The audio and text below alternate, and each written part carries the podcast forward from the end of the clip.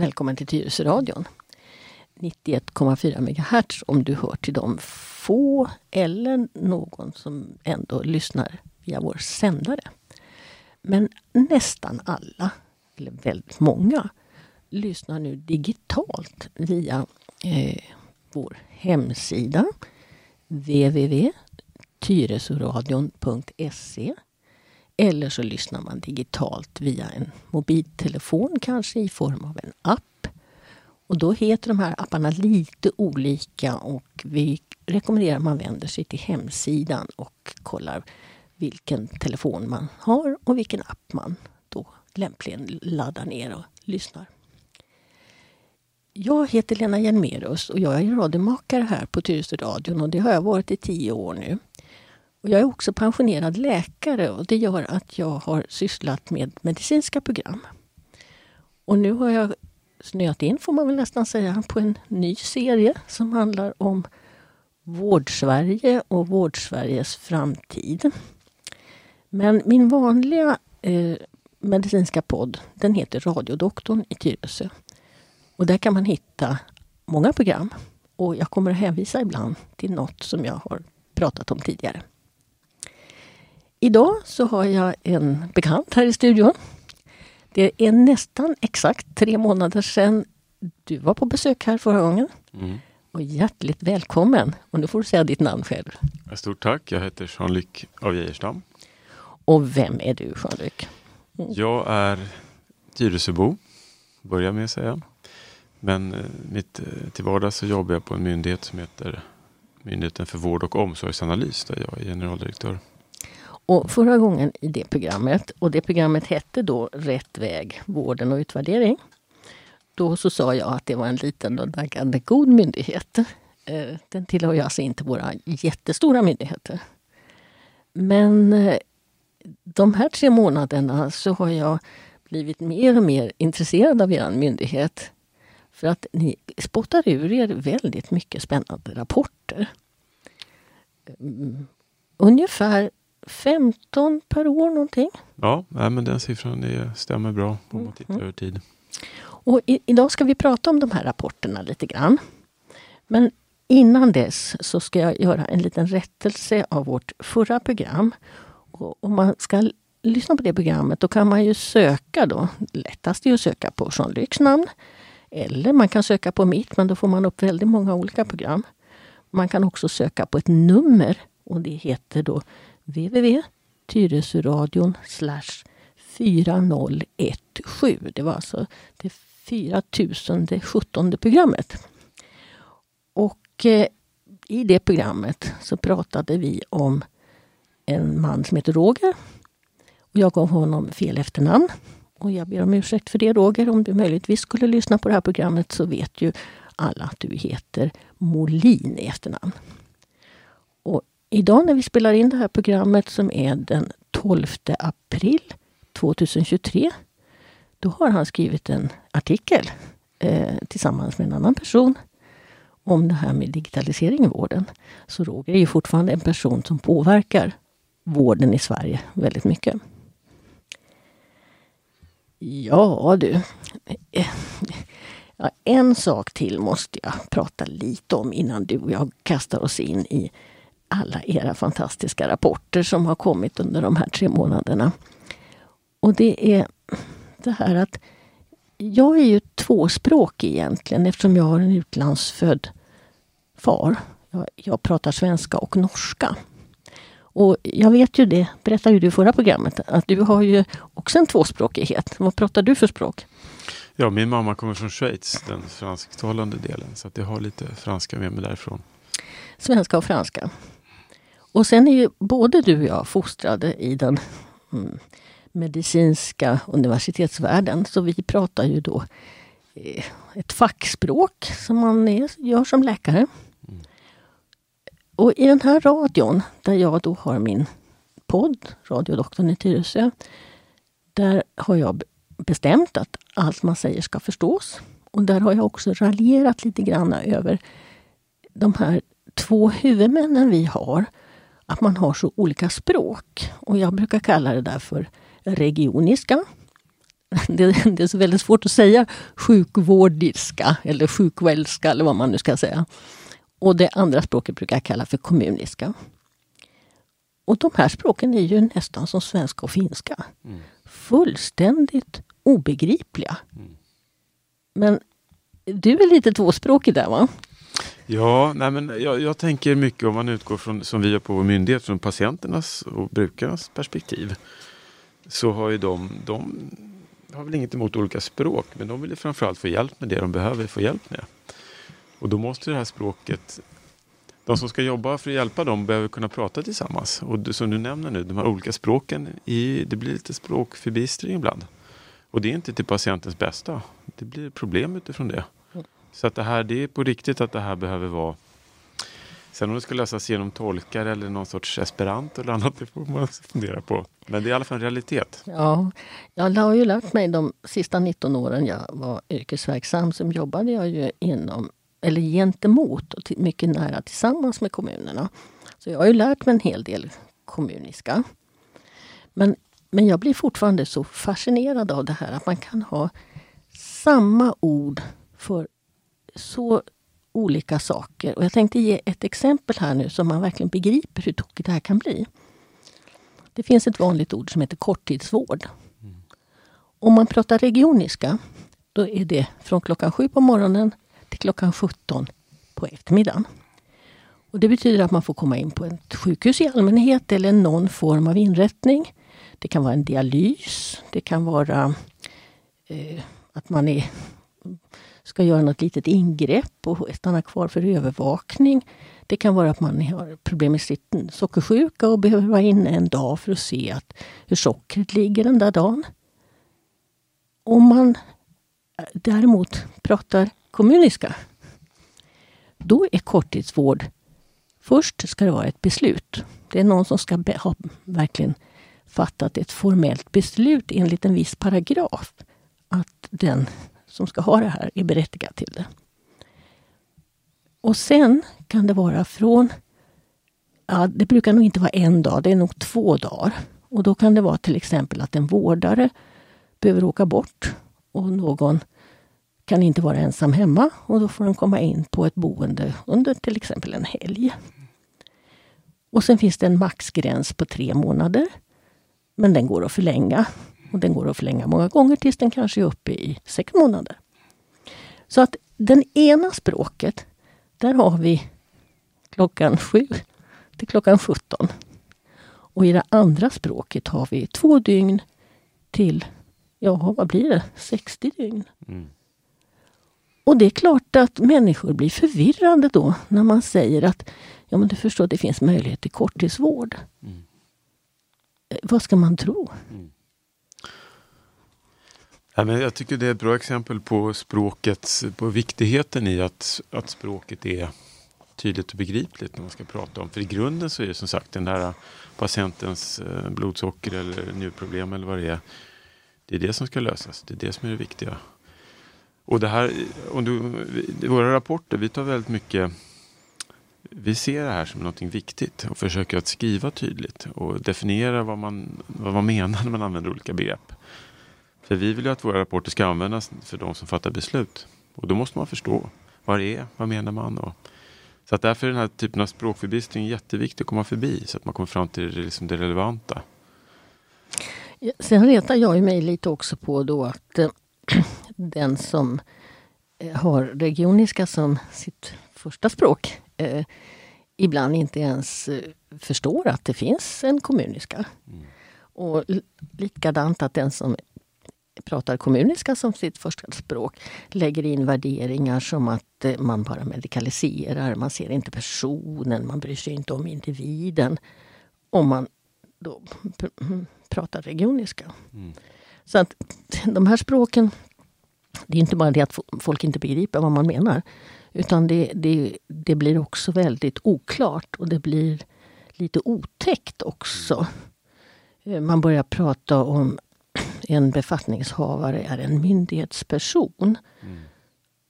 Och det är egentligen bara att den, just den personen har eh, befogenhet att eh, skriva ett visst beslut. Mm. Men det låter otäckt. Mm.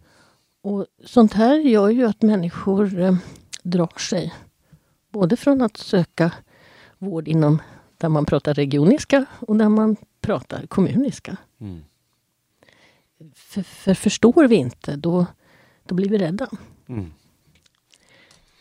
Ja, Ja, ja. Ja. Nej, men och DIUn är verkligen inte de som vi finns till för. Nej. För vi skulle ju ha vård efter behov. Det Ja. bestämde vi ju i förra programmet. Yes. Ja, du, ska vi då gå in på de här? Det är tre rapporter som jag har ramlat över under de här tre månaderna. Och den första, den det var det så att jag hade, jag tycker er myndighet verkar så spännande så jag hade anmält mig till ett nyhetsbrev. Mm. Och då så fick jag en sån här eh, flash, vad heter det? Ja, det kom på min mail att det skulle vara ett webbinarium. Och ett webbinarium det är ju som en liten föreläsning fast med man kan sitta framför tvn och titta på. Mm. Och det var ett webbinarium om en rapport som hette Ljuset på skillnader. Utropstecken. Jag tror det här utropstecknet är viktigt. Mm.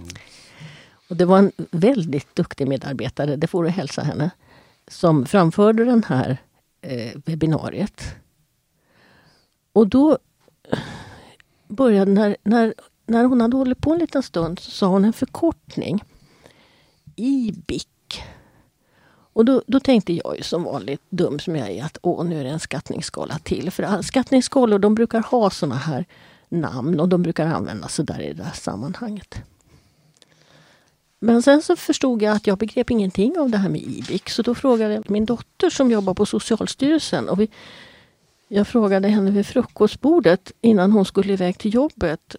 Och det skulle jag väl inte ha gjort. För jag fick en mycket lång utförlig beskrivning att det här var inte någon skattningsskala utan det är ett arbetssätt. Och hon höll nästan på att komma för sent till jobbet för att vi hamnade i en mycket spännande diskussion om, om IBIC. Och nu känner jag nu får du lov att prata lite grann Ja. om IBIC. Vad är det för något? Vad står bokstäverna för? Ja, alltså IBIC står ju för individens behov i centrum. Och det är som, jag tror att din dotter säkert sa där vid frukostbordet, det är egentligen mer, det är en sorts arbetssätt, ett, liksom ett, ett förhållningssätt. Det är ett sätt att jobba med utredning och uppföljning mer systematiskt. Eh, Också kopplat till det vi pratade om tidigare, begrepp. Det ska vara liksom enhetligt använt.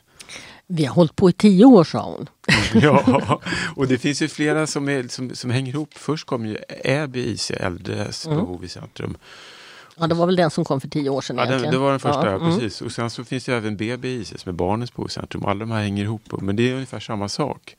Så det är ett sätt för äldreomsorg och socialtjänst att jobba egentligen mer systematiskt och tydligt. Så man ser vilka, vilken utredning görs, vilka insatser ges, hur dokumenterar man dem?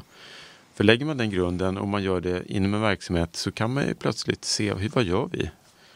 Hur gör vi när vi utreder och vilka resultat kan man, eh, får vi sen? Det kan man följa upp på ett helt annat sätt. Har man inte det här gemensamma språket då blir det ju inte, det blir nog omöjligt faktiskt att systematiskt följa upp.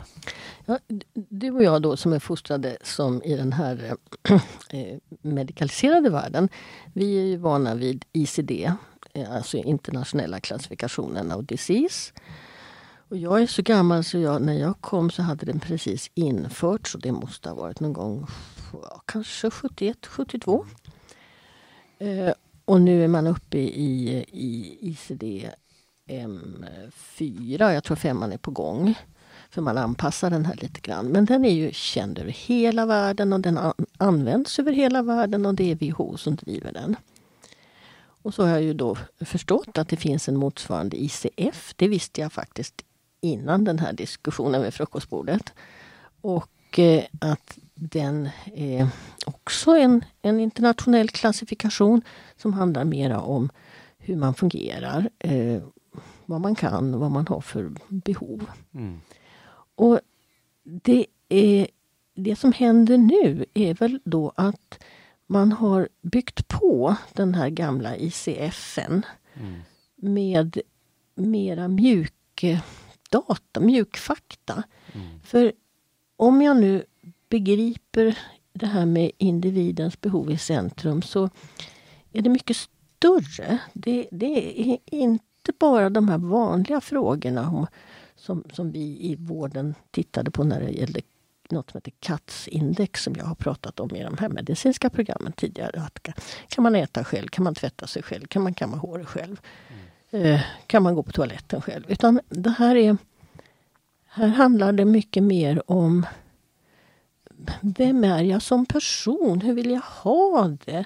Och jag har nu då uppfattat att det finns åtminstone 11 olika områden mm. som man i de här bedömningarna ändå ska eh, fundera över. Mm.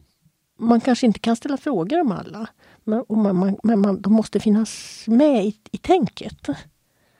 Ja, men det är väl en viktig del. Nu nämnde jag såklart det som jag finns på en uppföljnings och utvärderingsmyndighet, en sån. Men det här, det här arbetssättet ska ju också möjliggöra större, i högre utsträckning för, behov, för individen själv att vara med eh, och fatta beslut om sin egen vård och kunna vara med och öka sin egen delaktighet för att på så sätt förbättra det också.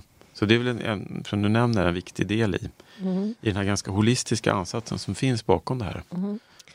Och, och, vi har ju alltså bestämt nu, vad, vad, jag förstår, i Sverige att vi ska ha det här arbetssättet när man, när man gör bedömningar av folk inom socialt arbete. Och då, då gäller det både socialtjänstlagen och LSS, alltså lagen om särskilt stöd. Och så gäller det då de äldre. Och eh, även inom socialpsykiatrin. Eh, så ska vi använda oss av det här arbetssättet IBIC. Och så gick jag och hittade en annan uppgift där att man 2020 eh, gick ut och frågade kommunerna. Använder ni det här? och du vet förstås svaret. Ja. Nej men det var väl ungefär hälften. Ja, ganska precis hälften. Ja. Det var lite fler inom äldrevården och lite färre inom LSS. Mm. Men, men hälften, och det var inte ens frågan var inte ens använder ni utan den var har ni tänkt börja använda den? Inom någon del också, så ja. det, det, är inte ens över hela linjen inom en kommun. Så att det här är då ett, ett, ett, system, ett arbetssätt som egentligen inte alls är känt. Nej. Nej, och det är väl en, en utveckling som vi från myndigheterna sett är viktig, att hela de här delarna av välfärden, socialtjänsten, äldreomsorgen och socialpsykiatrin tydligare blir det som de faktiskt är, någon sorts kunskapsverksamheter som behöver ta kanske de här bästa delarna av regionsidan. Ja, min dotter tröstar mig och säger att vad tror du åstadkommes på fem år? det, här kommer att ta 10-15 år. Och ja. det, eh, men det är ändå en... Eh, är, jag tycker att det är en väldigt fin reform. Mm. Och jag hoppas ju att fler och fler kommuner kommer att förstå det. Mm. Jag har inte vågat fråga här på den lokala kommunen än om de använder den eller inte. Men det blir väl nästa fråga till, till eh, socialnämndens ordförande från Tyresö Radio. Perfekt, det vill jag höra det programmet. ja. ja, ska vi lämna ljuset på skillnader där kanske? Eller har du någon mer kommentar kring den? Nej, men jag tycker att det är jätteroligt att du har läst den och att jag hoppas att flera kan läsa och tänka, för det är så himla viktigt. Eh, och um, speciellt som jag, precis som du kommer ifrån läkar och regionsidan. Eh, men det är, jag är så, det är roligt att lära sig mer och bli bredare. Mm. För att från patientens perspektiv, eller brukarna, så de har sina behov. Och mm. De bryr sig inte om om det är kommun eller region som ska hjälpa dem, utan de vill ha Mm. Och nu har inte jag sagt så mycket om vad den här rapporten egentligen handlar om, för jag tänker att den som är intresserad av den kan gå och läsa det själv. Mm. Och så kom det istället då en till rapport. Eh, och den heter 2022 IHP. Ja. ja, det kanske inte var de där vitsiga namnen precis på era rapporter. IHP är en sån där, vi har i vårt uppdragsmyndighet en stående årlig vi är den svenska delen i en internationell undersökning som heter IOP, International Health Policy.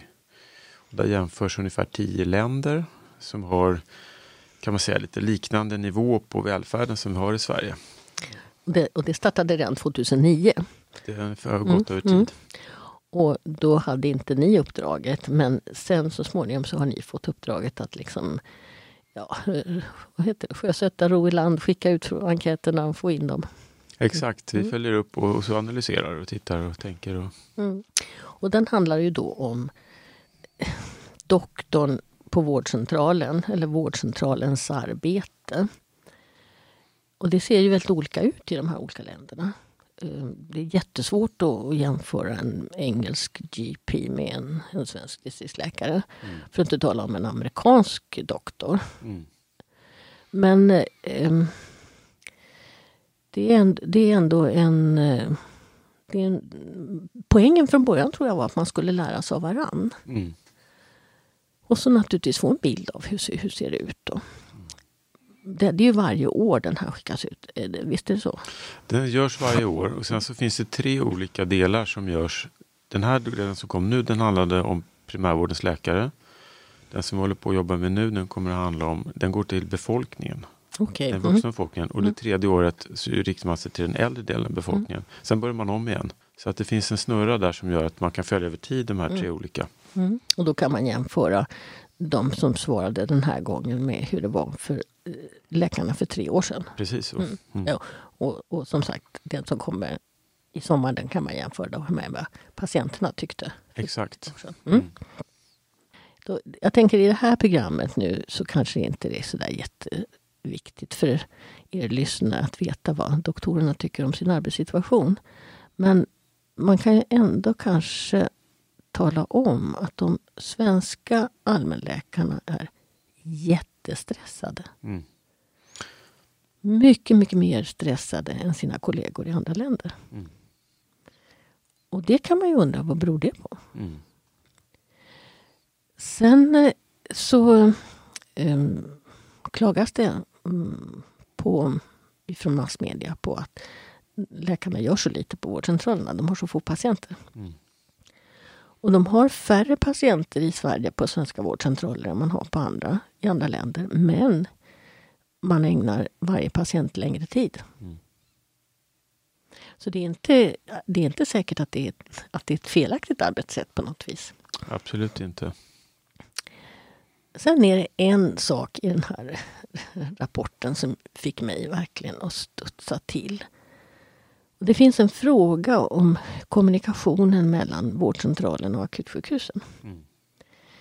Och vi har faktiskt en lag i Sverige som säger att när någon har varit på ett akutsjukhus så inom 24 timmar så ska patientens vårdcentral få meddelande om det. Mm. Men det får man inte i Sverige. Och det, det är...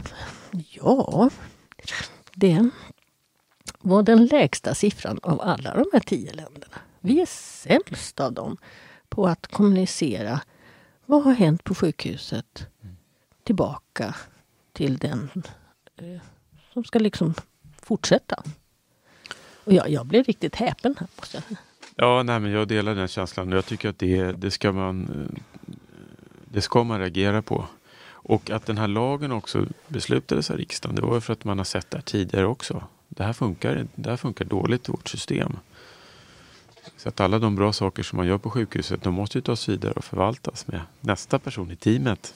Och kopplar man inte ihop det där, då står ju patienten själv. Man kan säga att vi gjorde en rapport om den här lagen om utskrivningsklara som vi och följde upp och där såg vi att det trots allt hade blivit lite bättre. Ehm, men man kan tycka bara det att, att det finns en lag som sen inte följs ordentligt, det är ganska anmärkningsvärt. Och jag, jag tycker inte det kan vara så svårt. Det finns ju då, man kan ha färdigskrivna utskrivningsbrev. Mm. Eh, vi har digital uppkoppling. Eh, Även om man skrivs ut på fredag eftermiddag så ska ju doktorn på vårdcentralen kunna få det på måndag morgon. Mm. Det ska, det ska inte behöva handla om flera veckor eller kanske till och med att det aldrig kommer fram.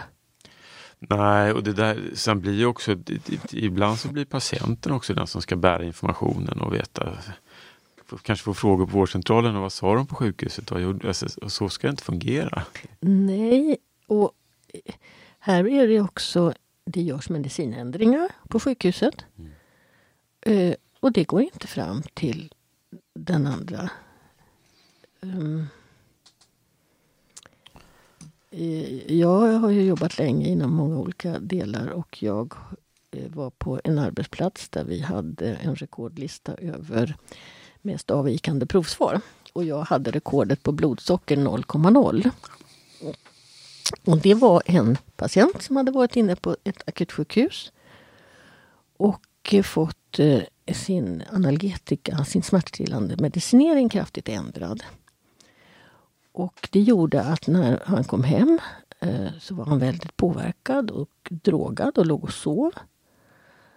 Och vi hittade lite tablettburkar så vi förstod att eh, han hade fått mera smärtlindring. Det var liksom ändå logiskt.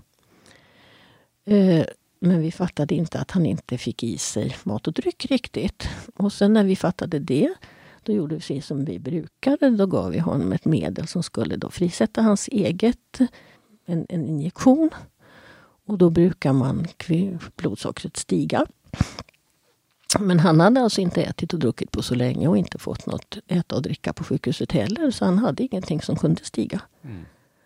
Uh, så han hade blodsocker noll och han överlevde. Men jag lärde mig något av det. Mm. Och det är att man kan aldrig vara tillräckligt noga med att försöka få reda på vad som har hänt när någon har varit på sjukhus. Mm. Det är också en rätt så lärorik historia. Ja, det var lite grann om det där med hur viktigt det är att eh, föra uppgifter från ett akutsjukhus tillbaka till primärvården. Nu kommer vi till den stora rapporten som kom 31 mars. Och jag sa när jag såg den att det var väl för tur att den inte kom 1 april för då hade jag nog trott att det var ett aprilskämt. Eh, det här är, den heter Ordnat för omställning och nu är det inga utropstecken utan nu är det ett stort frågetecken. Mm, det här är en delrapport och förra gången den kom då hette den Nära vård i sikte? frågetecken. Och nu var det då ordnat för omställning i frågetecken. Och det här är delrapporter i det stora Goda nära vårdprojektet. Och det här är sista gången ni gör en delrapport. För nästa gång ni kommer då ska ni ha en slutrapport. Ja. Eh, någonstans så skriver du att det här är fortfarande på strategisk nivå. Och då blir jag så nyfiken. Vad menar chefen för vårdanalys med strategisk nivå? Då pratar man om att det, om man ska göra det väldigt enkelt för sig, att det är ord. Att man har skrivit och, och uttryckt att det här ska göras och det är viktigt. Men när vi sen går och, och tittar hur det faktiskt ser ut och frågar patienter och vårdcentraler så har det inte hänt så mycket. Det har inte hänt ett dugg? Nej, om man, det är oförändrat. Från den förra rapporten som du nämnde där så är det ju skrämmande likt. Så ja, att, jag har ja. inte hittat någon skillnad. Nej. Eh, annat än att det har gått två år. Då. Mm. Och för er som nu inte vet vad God och nära vård är så är det det stora projektet för att ta hand om vår äldre, åldrande befolkning. Det vill säga vi måste flytta vård ifrån våra sjukhus ut till där människorna bor. Sen om de ska gå på vårdcentraler eller skötas i hemmet av AICH-team eller om de ska skötas i hemmet av kommunens hemsjukvårdare. Men de ska inte ligga på sjukhusen. Och eh, fara illa. Och de ska få vara, människor ska få vara där de vill vara. Mm. De, de också ska kunna få flytta in på äldreboenden eh, innan de har så kort tid kvar att leva så att de bara ska dö där. Så att det här är ett jättestort eh, samhällsomformningsprojekt. Ja, det är en bra beskrivning tycker jag. Det är en systemförändring. Ja, och den är helt nödvändig. Ja. För vi kan inte fortsätta att hålla på med vården på det sätt som den ser ut just nu. Nej, men det är jättebra beskrivning. Jag tänker också, eh, bara för att koppla ihop frågorna lite, den här IOP-rapporten du nämnde, där vi jämför primärvården i andra länder. Det som är intressant är, även fast de här många länder har olika system för hur primärvården funkar i Tyskland och Frankrike och USA, man har försäkringslösningar och sådär, så när det gäller primärvårdens situation generellt så är den mer och mer ansträngd i alla olika system. Mm. Och det speglar nog att liksom de här grundläggande, hur samhället ser ut, vår demografi och sådär, den, den rör sig på ungefär samma sätt i olika länder. Så att den här utmaningen som vi har här, den delas också i andra länder. Så att det... Ja, vi blir äldre och de äldre blir friskare. Men vi lever inte i all evighet och någon gång så måste vi ha stöd och hjälp. Precis. Och det är alldeles rätt. Det ser precis lite, eh, li, likadant ut i, i västvärlden. Ja. Sen, sen, har vi ju delar av världen där vi har fortfarande en mycket yngre befolkning som inte har hamnat i det här än. Mm. Men den kommer till Kina och Indien också. Ja. Garanterat. Ja. I den här nya omställningen så behöver vi också mera folk eh, ute i primärvården. Mm. Vi behöver massor med specialister i allmänmedicin. Yep. Och nu tänker jag lite grann hur det var på 70-talet när vi eh, slutade med provinsialläkarna och skulle gå över till distriktsläkarna. Då hade man en stor skärmoffensiv på de medicinska utbildningsanstalterna. Vi fick en möjlighet att på sommaren eh, ska vi säga, prya hos en distriktsläkare. Det kallades för att man var svans. Man fick ett stipendium och så fick man en månad att följa en distriktsläkare i hasorna. Och det var ett jättebra sätt. Väldigt många av mina kurskamrater bestämde sig då för att bli allmänläkare. Mm. Och man hade eh, också en, en, bättre lön som allmänläkare än vad man hade som sjukhusläkare. Det är inte minst viktigt. Mm. Så att det kom en stor generation allmänläkare då, när jag blev färdig på 70-talet. Men mina kurskamrater, vi har ju gått i pension nu. Mm. Så nu fattas det allmänläkare. Och det har blivit, sjukhusen har ju vuxit. Mm. Många nya specialiteter. Eh, många nya administrativa tjänster. Mm. Många nya privatläkare. Mm. Eh, många som har gått vidare till forskning. Men den här, det här att vara, vara doktor på nära patienten, allmänläkaren, generalisten. Eh, det har ju blivit eh,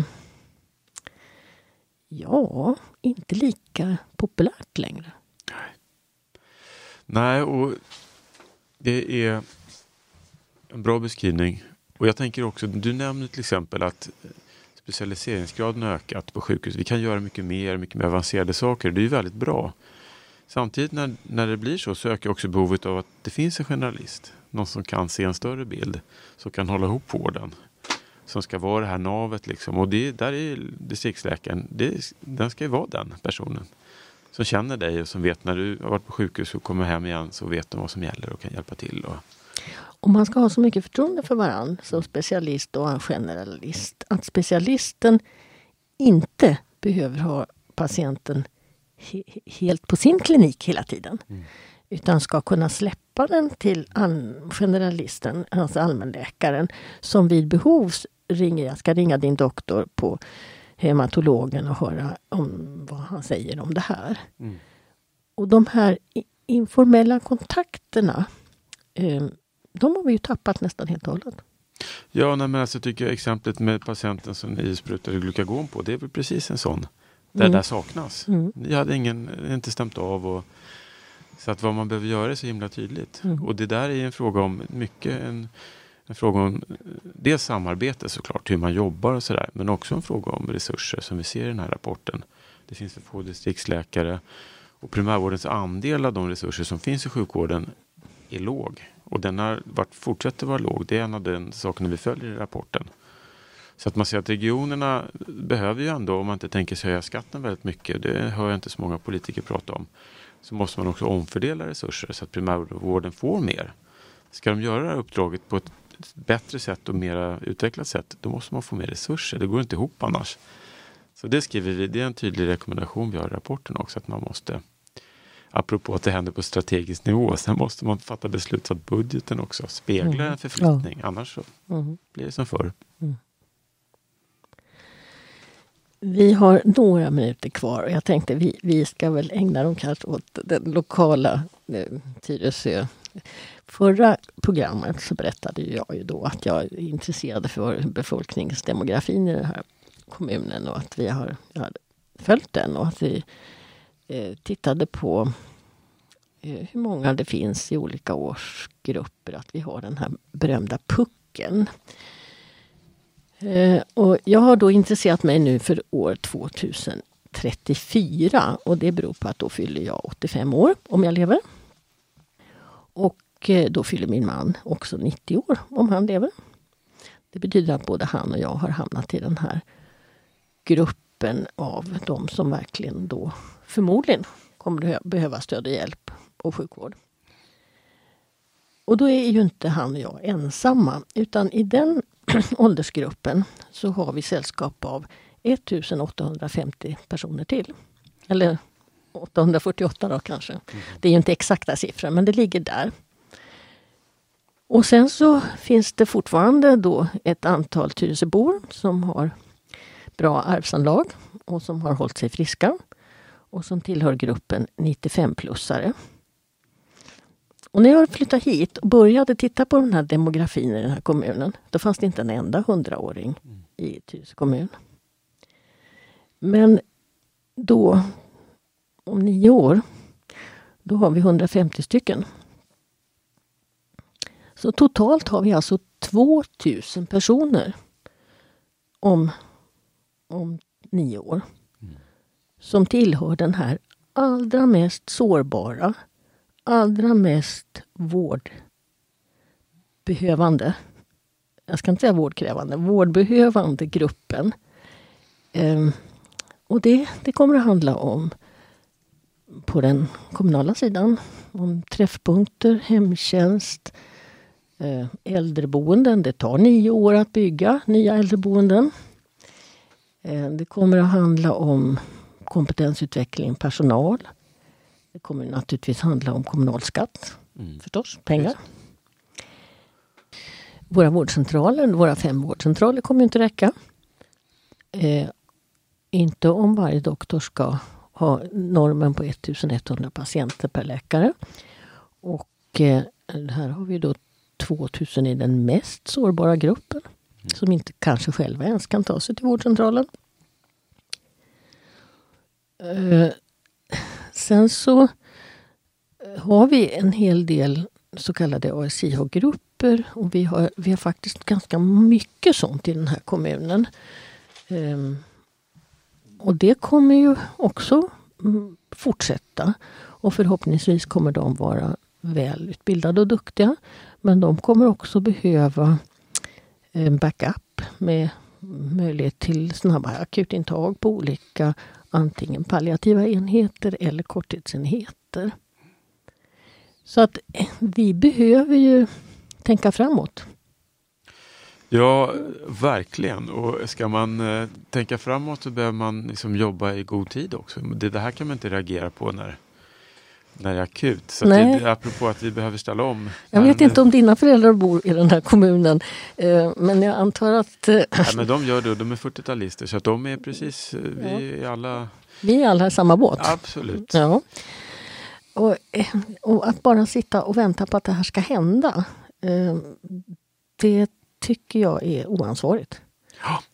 Ja, men jag håller med och vi försöker i våra rapporter hålla fram den här kunskapen och sen också rekommendera region och kommun och regering att agera. Och jag, jag vet också att regeringen, det, det förs ju ganska mycket politik på den nationella nivån för att försöka göra saker. Du nämnde den artikeln i morse mm. till exempel, mm. Roger Molin skrev med Toivo Haynes. Och där de framhöll liksom digitalisering till exempel. Mm. Och arbetssätt runt det som ett sätt att utveckla det här. Och det behövs det och mycket annat. Vi har eh, också i den här kommunen kan man, om man är över 80 år, få ett hembesök. Men man måste själv ringa och säga att jag vill ha ett hembesök ifrån kommunen. Och, och det kan vara lite svårt för det, det här att bli äldre och behöva hjälp. Det har ju också en, en det ligger nära till en skamkänsla. Jag klarar inte längre. Jag fixar inte att gå på toaletten, jag kissar på golvet, jag har ramlat, jag Eh, har svårt att få hem mat, jag har en jättedålig ekonomi. Det är inte alldeles enkelt att ringa till kommunen och säga att jag är över 80 år och, och jag behöver hjälp. Jag har som sagt ett långt liv med ruskiga erfarenheter och bland det värsta jag har sett, det var inte den här kommunen. Men det var ett par som levde på sitt konservburksförråd och inte hade någon hjälp. Och det gick ända tills den ena inte längre kunde öppna konservburkarna åt den andra. Och när det här paret hittades så var de mycket, mycket gravt utsvältande. Och den ena dog och den andra överlevde. Men, men vi ska inte ha sådana situationer att människor blir så ensamma och eh, av olika skäl inte vågar eller vill söka hjälp. Och vi måste kunna eh, hitta de här mest sårbara individerna. Sen finns det många människor som idag kan tala väl för sig och se till att de får det de behöver. Men det är inte dem vi pratar om nu utan det, det här är den, den sårbara gruppen äldre. Så det ska vi skicka med till våra politiker nu då. Eh, har de IBIK i den här kommunen? Bra. Och vad tänker de om 2034? Ja, men det är två konkreta bra frågor. Och jag tycker också det här sista du nämnde, det är viktigt att tänka på det för att starka eller kapabla individer hittar liksom rätt oavsett hur vi löser det. Men vården och omsorgen behöver liksom, en viktig del i uppdraget är att kompensera för de som inte själva alltid kan. Så man måste jobba och hitta dem. Annars så misslyckas vi. Jätteroligt att prata med dig Henrik. Ja men detsamma. Tack. Det kommer flera rapporter. Ni, I sommar så får vi också en ny äldrelag kanske. Den är åtminstone ute på remiss. Och ni kommer med en stor rapport om digitaliseringen för de äldre. Yes. Eh, har du lust att komma hit om en, tre månader igen kanske? Ja, hemskt gärna. Ja. Vad kul. Då fortsätter vi att prata om det här med vad Vårdsverige är på väg någonstans. Ja, verkligen. Och lär oss mer och, um, och diskuterar och se till att det här blir verklighet nu. Vi ska mm. hjälpas åt. Mm. Och jag sprider det här programmet så gott jag kan. Jag hoppas att du sprider det så gott Absolut. du kan. Och sen så har ni frågor kring det så får ni gärna höra av er till info tyresoradion.se. Och med det tackar jag för idag och jag heter Lena Hjelmerus och här i studion har jag också haft Jean-Luc av Geijerstam. Hej då! Tack, hej då!